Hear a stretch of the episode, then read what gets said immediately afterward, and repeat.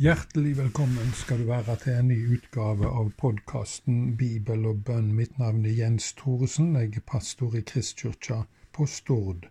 Du er hjertelig velkommen på gudstjeneste der i morgen den 13. august klokka 12, og adressa er Bjellandsveien 51. Og da blir det familiegudstjeneste i morgen med påfølgende kirkekaffe. La oss be sammen. Gode Gud og Far. Takk for ditt ord som har kraft i seg til å frelse, fornye, helbrede, rettlede, utruste og inspirere. Gjør det også i dag, Herre. Gjør det her og nå. Det ber vi om i vår Herre Jesu Kristi navn. Amen.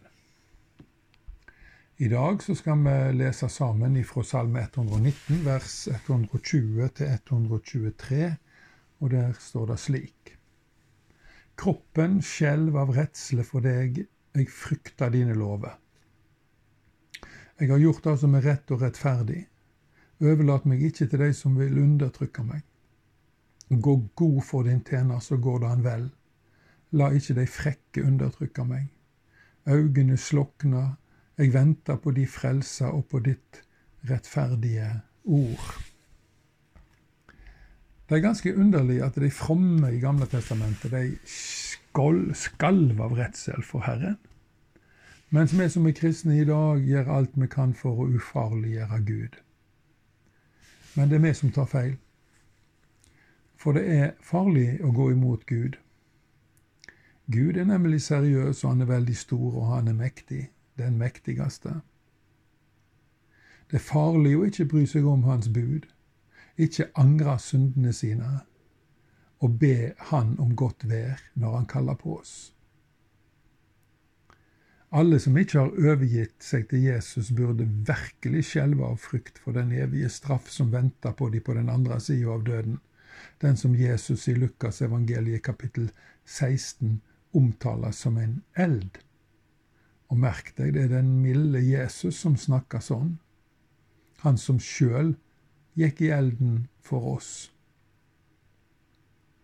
Salmisten frykter Herrens love, leste vi. For de retter seg ikke bare mot våre ytre gjerninger, hva vi gjør og sier, men også mot våre indre motiv.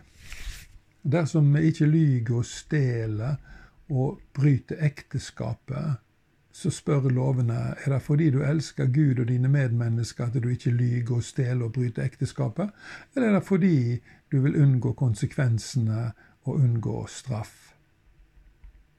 Dersom motivet er feil, har vi på ingen måte holdt ei eneste lov, og det har vi ikke.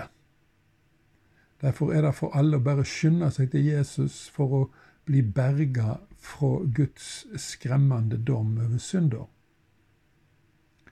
I vers 121 er det Jesus som ber.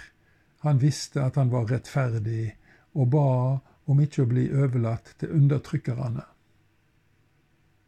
Men Gud, vår Far, kunne ikke svare positivt på den bønna. Jesus ble overgitt til brutale romerske soldater som torturerte og korsfestet han.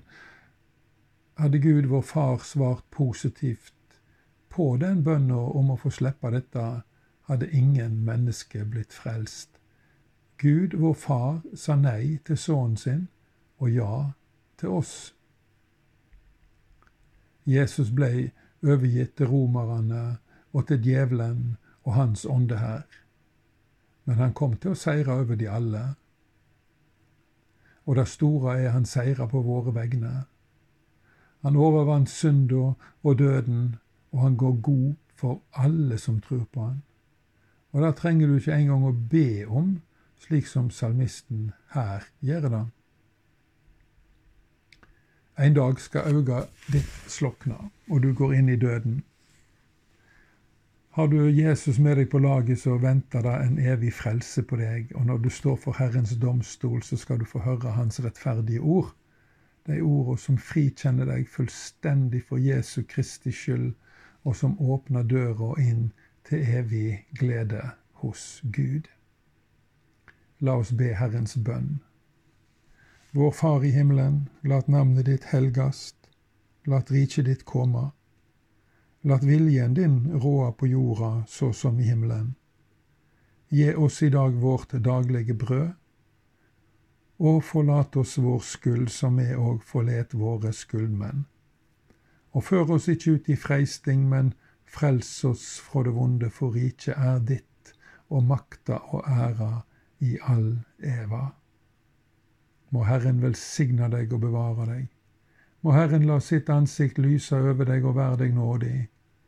Må Herren løfte sitt åsyn på deg og gi deg fred. Takk for at du tok deg tid til å lytte til Guds ord i dag. Jeg ønsker deg en god kveld og på gjenhør.